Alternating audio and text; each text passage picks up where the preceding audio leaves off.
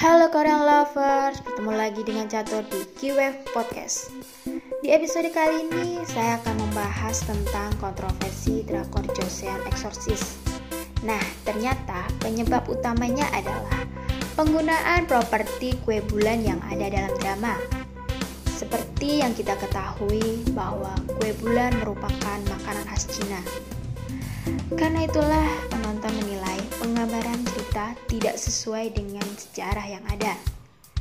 Akibatnya, banyak pihak yang mengkritik serta mengajukan petisi agar drama ini tidak ditayangkan. Wah, pasti sahabat drakor sedih nih. Tapi jangan khawatir. Masih banyak kok drama Korea yang akan segera tayang menemani waktu luang kalian semua. Oke, cukup sampai di sini dulu ya podcast hari ini. Terima kasih buat kalian yang sudah mendengarkan dan jumpa lagi di lain waktu.